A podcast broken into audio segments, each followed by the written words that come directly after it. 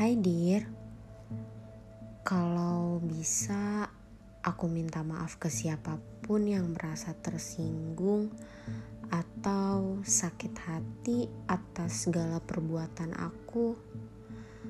Tapi itu gak bisa karena aku gak tahu siapa orangnya.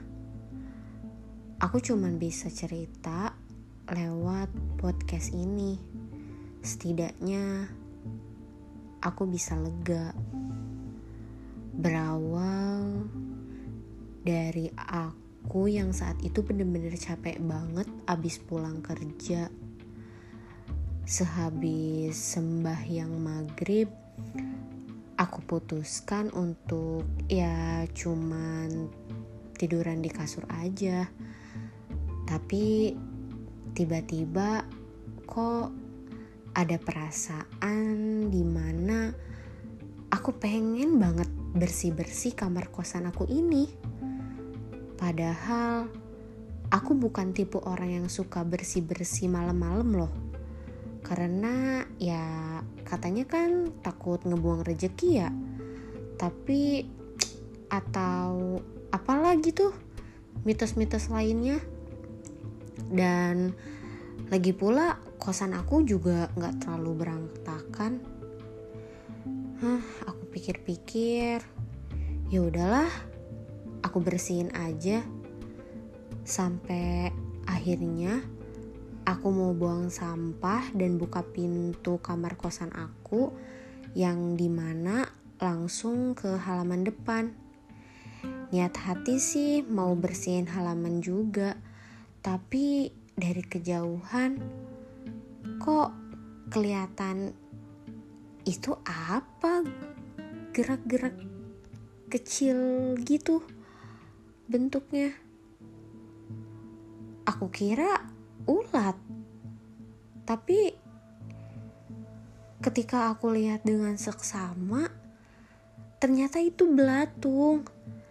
Kira-kira ada sekitar lima ekor yang berjalan ke arah pintu kosan aku. Sontak aku panik dan langsung ngambil karbol, berharap itu belatung bisa mati. Eh, malah gak mempan dong. Itu belatung tetap aja bergerak seakan mau masuk ke kamar kosan aku. Hah. Oke. Saat itu aku langsung muter otak, cari cara gimana buat ngebunuh ini belatung terus aku pikir uh, kira-kira yaudah yaudah oke okay. aku punya harpik dan saat itu aku mau coba karena kan harpik itu mengandung asam pekat ya dan aku pikir ya bisa aja gitu ngebunuh itu si belatung eh tapi enggak dong. Dia malah masih hidup dan terus bergerak, bahkan seakan-akan berenang di larutan harpik itu. Hah, aku bener-bener panik karena aku bener-bener parno banget sama belatung. Akhirnya oke, okay, aku hubungi temen kosan aku, tetangga kosan aku, buat ngebantu bersihin. Tapi itu belatung semakin banyak terus berjatuhan dari atap. Padahal plafon kosan aku gak ada yang bolong. Giliran diliatin banget itu atap, gak ada yang jatuh. Di saat aku dan temenku ngeliat ke arah lain, tiba-tiba berjatuhan aja itu belatung. Aduh, sumpah itu aku gak habis pikir. Temen aku langsung nanya mbah Google alias searching cara matiin belatung.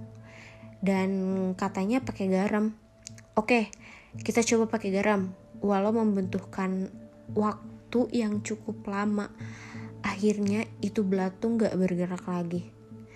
Sumpah bingung banget sumbernya dari mana kalaupun ada bangkai hewan, pasti bakalan kecium baunya kan? Hah, ini tuh bener-bener gak ada bau sama sekali. Aku bener-bener takut banget. Aku udah gak mau lagi kayak diem di kosan itu dan ya udah oke okay, aku mutusin malam ini buat tidur di kosan temen aku. Sepanjang malam aku bener-bener susah tidur terus mikirin hal itu.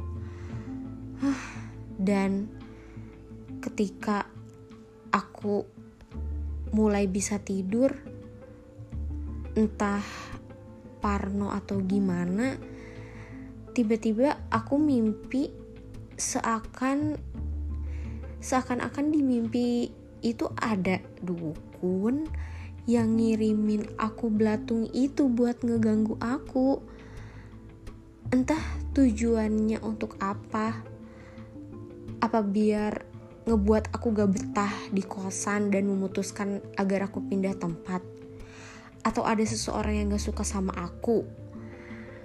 Atau yang sakit hati sama aku. Entahlah. Aku bener-bener bingung keesokan harinya pemilik kos sampai memeriksa. Takutnya ada bangkai di atap. Tapi katanya bener-bener gak ada apa-apa sama sekali. Aku bener-bener bingung dari mana sumber belatung itu. Dan aku sadar bahwa malam kejadian itu adalah malam Jumat bener-bener aku takut kejadian ini ngebuat aku lebih mawas diri untuk lebih hati-hati dalam berperilaku dan berkata-kata. Emang sih percaya hal mistis di tahun ini tuh kayak gak mungkin banget.